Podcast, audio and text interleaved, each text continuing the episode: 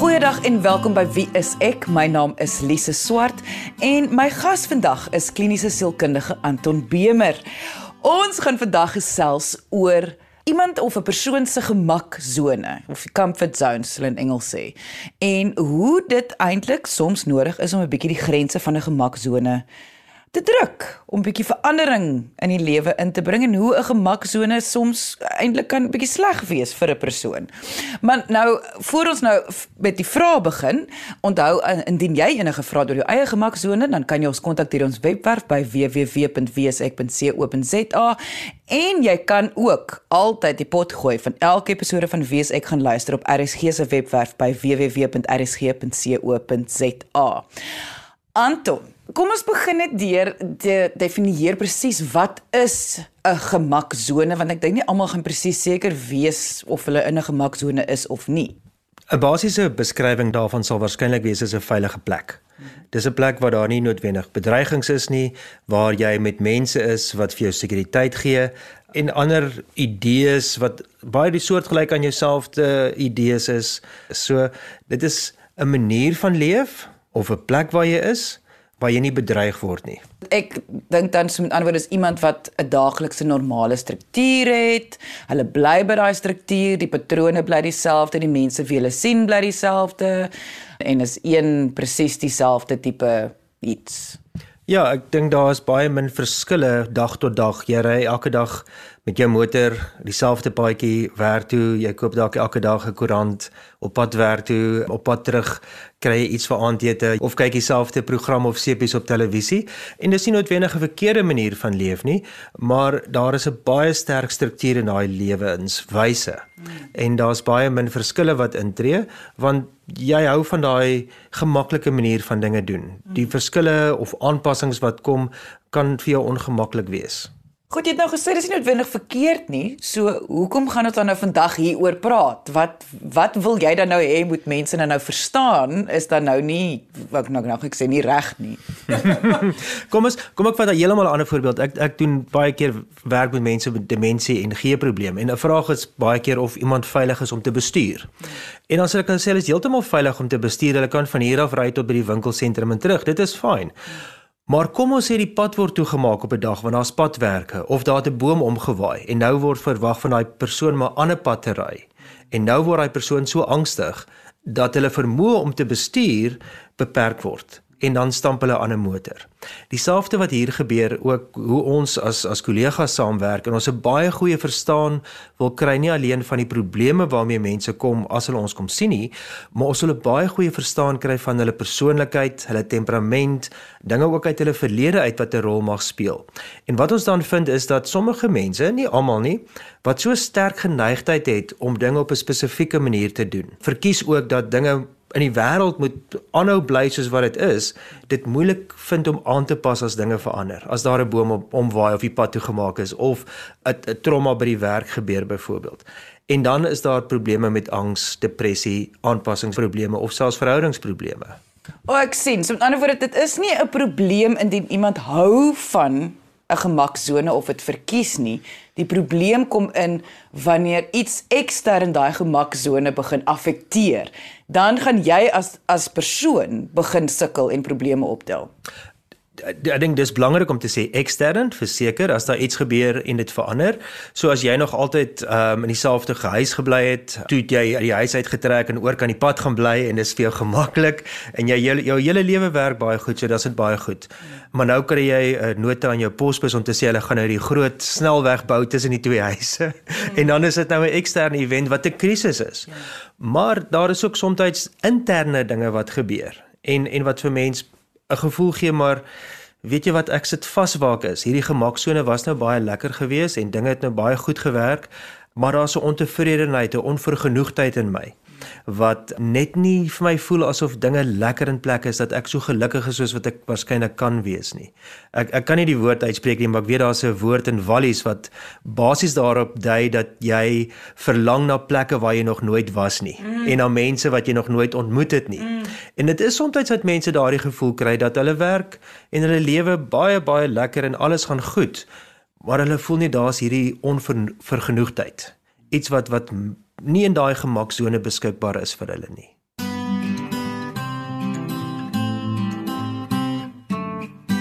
Ek kan nogal dink dat baie ouers so voel. So hulle die kinders, hulle vervul die rol van ouer wees, maar hulle voel daar's tog iets meer wat moet da, wat daar wees. En soos jou ouers Ag nee, soos jou ouers.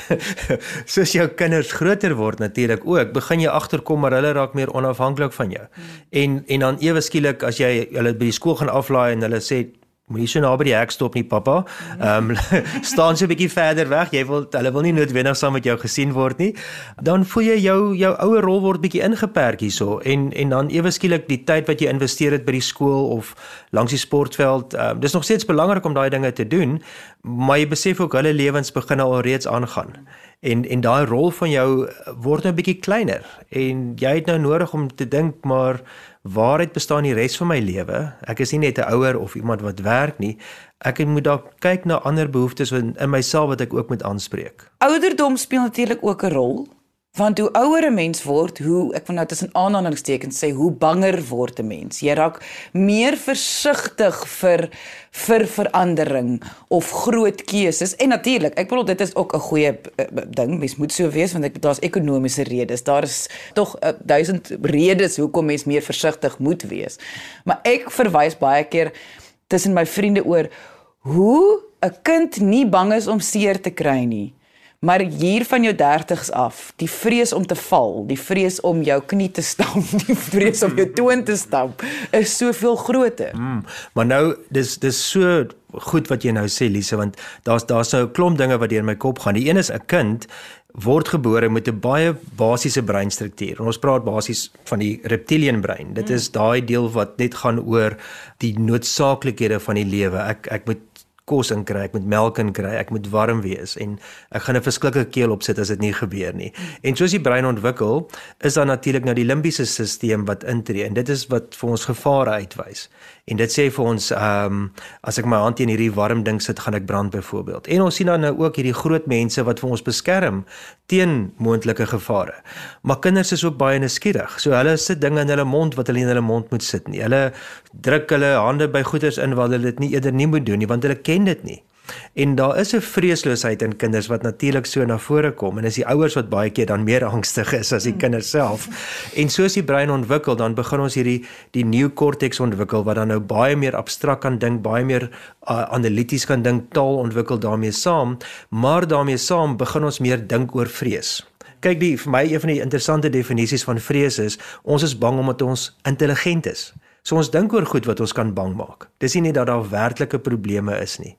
En ongelukkig hoe meer ons dink aan goed wat ons bang maak, hoe banger word ons. Ja. En dit is ouderdom soos jy sê wat 'n rol speel, maar daar was 'n baie interessante studie wat in 2009 gepubliseer was in Engeland, mm -hmm. getiteld The Face of Fear. Mm -hmm. Maar hulle het bevind dat tussen 1993 en 2007 was daar 'n 12.8 toename in angsversteurings in Engeland. Mm -hmm. So meer as 'n miljoen mense meer was gediagnoseer met 'n angsversteuring. En dit is nie net noodwendig in terme van ouderdom nie. Ek dink die ander ding die ander faktor wat 'n baie sterk rol speel is inligting. Ons word baie meer gebombardeer met inligting. Want wat het eintlik gebeur tussen 93 tot 2007? Die internet. So ons is baie meer bewus van wat in die wêreld aangaan. Nie net in ons eie gemeenskap of in 'n land wat jy 'n koerant lees oor wat in die land gebeur nie. Jy weet nou van al die aaklige dinge wat in ander dele van die wêreld ook gebeur. En natuurlik bring jy dit huis toe. So jy is nou bekommerd dat soortgelyke dinge nou naby aan jou kan gebeur. Jy luister na Wie is ek op RCG 100 tot 104 FM. So met ander woorde wat dan gebeur is omdat jou angs groter is, is omdat jou gemaksone is nou in gevaar. Dit is wat jy sê. Ons raak uit die bewustheid van ons gemaksone is in gevaar. Nou wat nou? nou soek ons veiligheid. Nou soek ons 'n plek waar mense vir ons kan sê dis oukei, okay. moenie bekommerd wees nie, dis oukei. Okay. En waar soek ons dit? Ons trek dieper in ons gemaksone in. So ons wil dan meer tyd spandeer met mense wat soos ons is of wat dieselfde dink as ons of wat vir ons gaan sê dis hulle daai kant van die muur wat die probleme is is dis nie ons is okay hierso. So dan is dit dat ons daar aan die een kant meer veilig probeer wees wat 'n baie natuurlike reaksie is want ons ons breine is so ontwerp om basies onsself te beskerm. Maar dit beteken ook ons eksploreer minder Ons ons is nie meer so geneig om 'n ander roete te ry werk toe byvoorbeeld of so nie, want ons is nou bang dat dit nie veilig is nie. Mm. En dit maak dat ons dan baie vasgevang kan raak in daardie gemaksones. So ons lewe baie meer in hokkies. Ons ons het weet hoër mure om ons huise, ons het baie meer veiligheidsdinge. En weer eens as ons probleme wat soos byvoorbeeld misdaad in die gesig staar, wil ons seker maak nie alleen ons nie, maar ons gesinne is veilig. Mm. En en dit is noodsaaklik. Maar ons moet ook besef dit kom teen 'n prys. Ons verloor iets in die proses. Ons ons groei nie meer soos wat ons kon gedoen het in terme van ons nie alleen ons emosionele lewe nie, maar ook in ons wêreld visie buitekant toe. Ons leer nie meer om onsself en ander mense se skoene te staan nie, want dit is nie vir ons veilig nie. So wat ons met ander woorde vandag probeer sê hier is. Ja, mense verstaan hoekom mense diep in hulle gemaksones inbeweeg en veral binne die konteks van Suid-Afrika. Maar wat ons sê is jy moet dan met ander woorde ander dele van jou gemaksone begin 'n bietjie eksploreer. Waarom kom sien iemand 'n sielkundige dan? En dit is dat hulle soms so in hulle gemaksone vasgevang raak dat dit ook problematies raak. So die probleem gaan beide kante toe. Jy is dalk nou veiliger van kom ons sê eksterne gevare, maar binnekant daai gemaksone mag daar ander probleme wees. Dan kom jy's agter maar weet jy wat, hier word jy nou so vasgedruk, dit raak so benoud dat daar sekere idees is wat regtig nie gesond is nie. Kom ons sê byvoorbeeld dat 'n man 'n vrou mag slaan. Dis veilig om in daai gemaksone te wees, maar nou word daar geweld toegepas binne die gemaksone en die vrou voel is dis nie veilig om uit te beweeg nie. As as 'n voorbeeld. Ek dink 'n nog 'n voorbeeld sal ook wees dat mense staan so saam dat hulle so geïsoleerd raak dat alles later 'n bedreiging word daar buitekant. Daar word klem gelê op baie baie sterk temas, maar jy is dan onbewus van die probleme wat met daai temas mag saamkom. Ons gesels vandag oor wat is die potensiële probleme om in jou eie gemaksone te bly en wat kan dit vir jou dalk bied om 'n bietjie die grense te skuif. Indien jy nou eens ingeskakel het en graag die volledige episode wil luister, kan jy die pot gooi gaan luister op RSG se webwerf by www.rsg.co.za. Maar Anton, kan ons miskien net gou opsommend net sê wat is die probleem met in jou gemaksone bly. Kom ons neem 3 punte. Die een is dit keer jou om te groei. Om te groei as 'n persoon, om jou volle potensiaal te bereik en regtig 'n vol lewe te lewe want dit is dat daar beperkings is in jou gemaksone. Selfs al kom jy dit nie self agter nie. Die meeste mense sal dit nie noodwendig agterkom nie want dit is mos nou baie lekker daar in jou grot.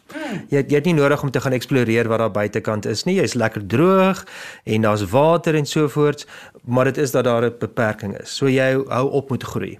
Dit stop jou om nuwe dinge te probeer want alles die paadjie werk toe ry nou lekker elke dag. So hoekom sien jy iets anders te doen as net dit? So jy jy bly baie vas en jy probeer nie noodwendig iets anders te nie. En ek dink die derde punt is dat dit maak dat jy nou maar baie diep wortels skiet daar. Weet jy jy dink net ag nee, dit is nou maar hoe die wêreld moet wees, dis hoe jy is en so voort. So jy het baie spesifieke idees van hoe die wêreld moet wees en ook wie jy is. En dit is dinge wat kan werk tot iets verkeerd gaan en nie noodwendig iets binnekant jou beheer nie, jy kan jou werk verloor. Jy kan 'n geliefde verloor weens 'n siekte toestand of 'n egskeiding ensovoorts.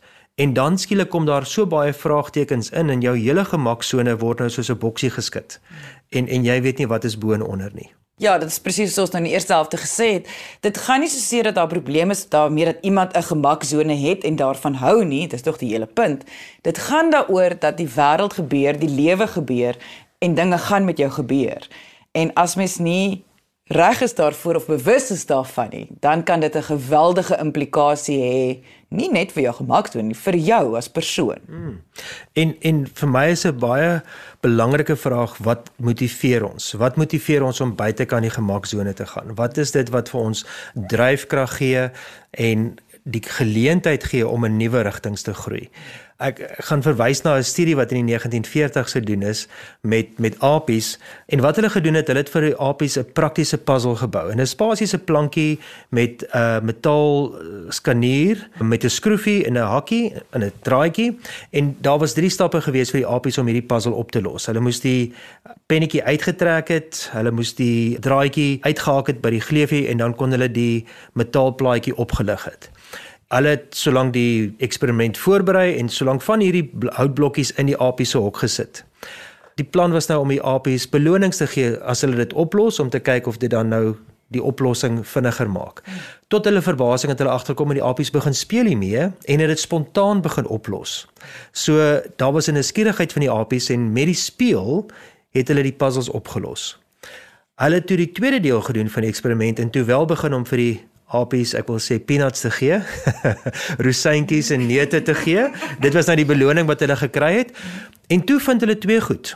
Een, die apies het baie gouer verveeld geraak om met die puzzles te speel. Want sodra jy beloning kry en die beloning kom nie, dan is jy nie so geïnteresseerd daarmee nie. En tweedens, al het hulle later die beloning weggevat, daai idee was nou vasgelê by die apies dat jy beloning kry as jy die puzzle oplos. Hoekom gaan ek die puzzle oplos as daar nou glad nie meer 'n beloning kom nie? So die hele idee wat ons baie keer het is jy moet mense meer betaal om harder te werk. Of ja, as jy vir hulle iets ekstra gee, dan gaan dit hulle motiveer.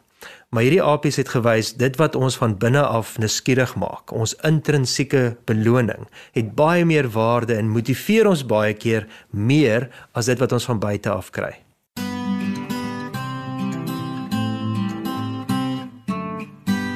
Nou gaan ek, o, oh, so filosofies wil ek amper vir myself sê, oh. gaan ek nou raak wat nou dink ek vir myself die wêreld, die westerse wêreld waarin ons bly, is gebaseer op beloning.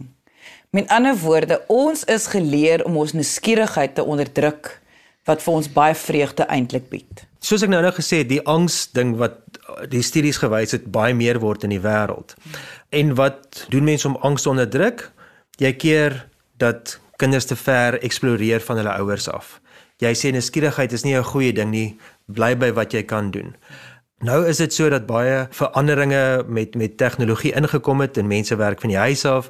Baie mense moet meer entrepreneurskap toon om werk te skep vir hulle self en vir ander mense en daardie is dan ook baie keer die mense wat uitstyg omdat hulle baie meer nuuskierig is oor moontlikhede en kreatief is in hulle ehm um, dit wat hulle daar buite kan stel. So nuuskierigheid is so belangrik Maar terselfdertyd is dit ook 'n bedreiging en en dit maak dat jy weer eens jouself baie inperk in jou eie wêreld. Anton, nou die groot vraag sou wees is, hoe identifiseer 'n persoon wat presies is hulle gemaksone? Kyk, ons het verskillende gemaksones. Nie alleen waar ons werk nie, maar hoe ons werk. Ons het gemaksones in terme van ons verhoudinge met lewensmaat of met vriende. Ons het 'n gemaksone is dalk in terme van waar ons gaan vakansie hou. Uh waarin ons ons geld belê. En en sekere van daai dinge werk baie goed en ons almal het 'n mate van sekuriteit nodig. So ons moet nie alles die baba met die badwater uitgooi nie. Mm. Maar ek dink dit is belangrik om te dink waar beperk dit my in. Ek mag baie gelukkig wees by my werkplek, maar ek kom agter weer daar's nie so baie stimulasie om verder te groei nie en ek het dalk nodig om met my bestuurder te gaan praat of ek dalk nie 'n ander area binne die werk ook bietjie kan ontwikkel en opleiding inkry nie. Of ook in terme van mense huwelik is om te sê, weet jy wat, ons is nou 'n klomp jare getroud en ons het 'n gelukkige huwelik, maar daar is sekere dinge wat ons dalk met tyd afgeskeep het. Ook dalk omdat daar kinders was of daar werksdruk was of wat ook al die geval mag wees.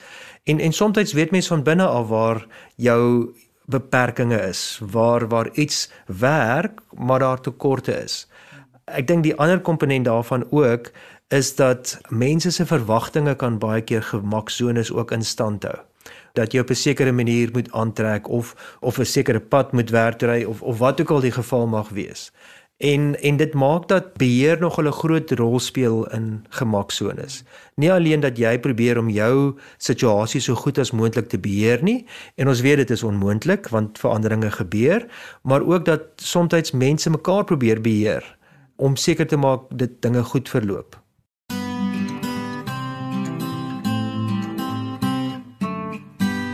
Ek sit en dink nou aan my eie persoonlike lewe en hoe ek dit nou probeer insien is jy as persoon weet tog daar is sekere areas wat jy definitief sommer al klaar angstig is as jy dink daaraan om aan daai areas te gaan verander. So ek neem aan dit sal vir jou goeie indikasie bied van waar lê jou mm. jou gemaksone.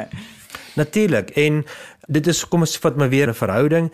Weet een persoon voel, "Jog, ons moet regtig werk aan ons verhouding" en die ander persoon, "Nee, nee, nee, nee. Ons mm. ons is heeltemal oukei okay soos ons is. Daar's nie fout nie." En wat gaan mense nou sê as ons 'n sielkundige of of 'n uh, mm. terapeut gaan sien? So dit is dat daar verskillende behoeftes ook is binne 'n verhouding of in 'n werksituasie ook. Dat die bestuurder sê, "Maar jy werk so verskriklik hard in wat jy nou doen en jy is so waardevol. Ons kan nie toelaat dat jy nou die bemarking gaan doen nie, want ons gaan jou skills hier verloor." Mm. Uh, en dit is weer daardie verwagtinge wat 'n rol speel of beheer wat 'n rol speel. En ek dink dit is nie altyd maklik om tot 'n vergelyk te kom waar en hoe ons dinge verander nie. Jy luister na Wie is ek op RCG 100 tot 104 FM. So, wat bied dit jou om 'n bietjie daai grense te laat gaan en 'n paar stappe te neem? Ek het nou reg 'n quote gesien wat iemand gesê het, weet ons lewe moet volgemaak word met herinneringe, nie met drome nie. Ek dink dit is om aksie te neem en net te sê kom ons doen net iets anderste. Kom ons gaan net 'n bietjie in 'n ander rigting. Kom ons ry nie die gewone pad nie. Kom ons gaan gesels bietjie met ons bure want ons weet nie eens wie hulle name is nie. en en dit is baie keer klein stappies om te neem, maar dit kan 'n baie groot verskil maak op 'n dag tot dag basis. Ek dink wat wat die die grootste struikelblok in die proses is is vrees, is angs. Die onbekende maak ons bang.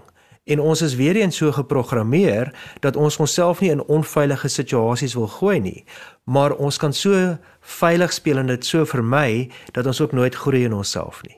En ek dink die prys is wanneer dit suksesvol gaan, wanneer jy 'n grens dan nou oorskry en dit werk en ons weet natuurlik dit gaan nie altyd werk nie. Dit gaan nie altyd lekker wees nie. Dit gaan nie altyd suksesvol wees nie. Maar ek dink daai wonderlike gevoel van O, okay, kyk nou net hoe lekker dit uitgedraai. Kyk hoe lekker was dit. Mm. Maar ons kan nie ons hele lewe daarop skoei op dinge wat moontlik nie kan uitwerk nie, want dan bly ons in die grot. Dan bly ons in ons veilige ruimte. Dit is daai ding van ek het nog nooit verder as hierdie streep of hierdie lyn uit ons uh, dorpie uitgestap nie. Hierdie is die eerste keer ooit dat ek verder as dit gaan. En dan kom hierdie geweldige avontuur, hierdie ontdekkingsreis, hierdie onweldige geweldige interne groei van 'n persoon want hulle word blootgestel aan 'n klomp ongelooflike dinge. Op die van avontuur gaan daar dinge verkeerd gaan ook. Dit is natuurlik die geval. Maar weer eens, dit is daardie oomblikke wat dan net sê, "Sjoe, ek gaan hierdie nooit in my lewe kan vergeet nie." En die vrees waarna jy so baie verwys. Baie keer is dit en vir baie mense oorweldigend. Dit is te groot daai vrees om stappe te neem. Hmm. Sou mens dan nou sê dis waar 'n mens professionele hulp kry want dit kan so 'n groot verskil in jou lewe maak? Daai vrese stop ons meer abstrakte, kreatiewe, verbeeldingryke denke. En die bloed moet dan teruggaan na daai dele toe van die brein. So dis die die neuro biologiese deel daarvan. Maar die ander deel daarvan is dat ons met tyd tegnieke leer om vrese te oorkom.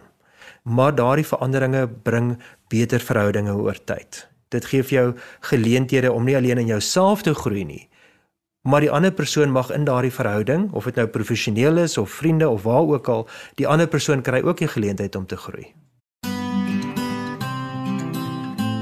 Gemaksones is daar vir 'n rede. Ons het veiligheid nodig. Maar ons het nie net veiligheid nodig nie. Ons het ook nodig om te groei as mense. Ons het ook nodig om ons potensiaal te ontwikkel. Dit beteken nie jy moet nou alles verander nie. Dit is net om te sê maar nou en dan is dit nodig om bietjie te check of daar nie plekke is waar jy kan groei nie. Ook die ander deel, as jy wel voel jy sit vas in jou gemaksone, wat dit ook al mag wees, is om te vra, okay, dalk moet ek of self eksploreer en kyk watter ander dinge ek in my lewe kan inbring om my lewe voller te maak, of met iemand te gaan praat om te kyk waar raak ek vas en of dit mag aanleiding gee tot probleme soos angs of depressie. Indien jy enige vrae het oor jou gemaksone, kan jy ons kontak via ons webwerf by www.wieisek.co.za of jy kan kom saamgesels op ons Facebookblad onder Wie is ek SA. Dankie dat jy vandag ingeskakel het. Ons maak weer so. Volgende Vrydag 12:30 net hier op RSG. Jy moet 'n heerlike naweek hê en onthou, Kyk mooi na jouself.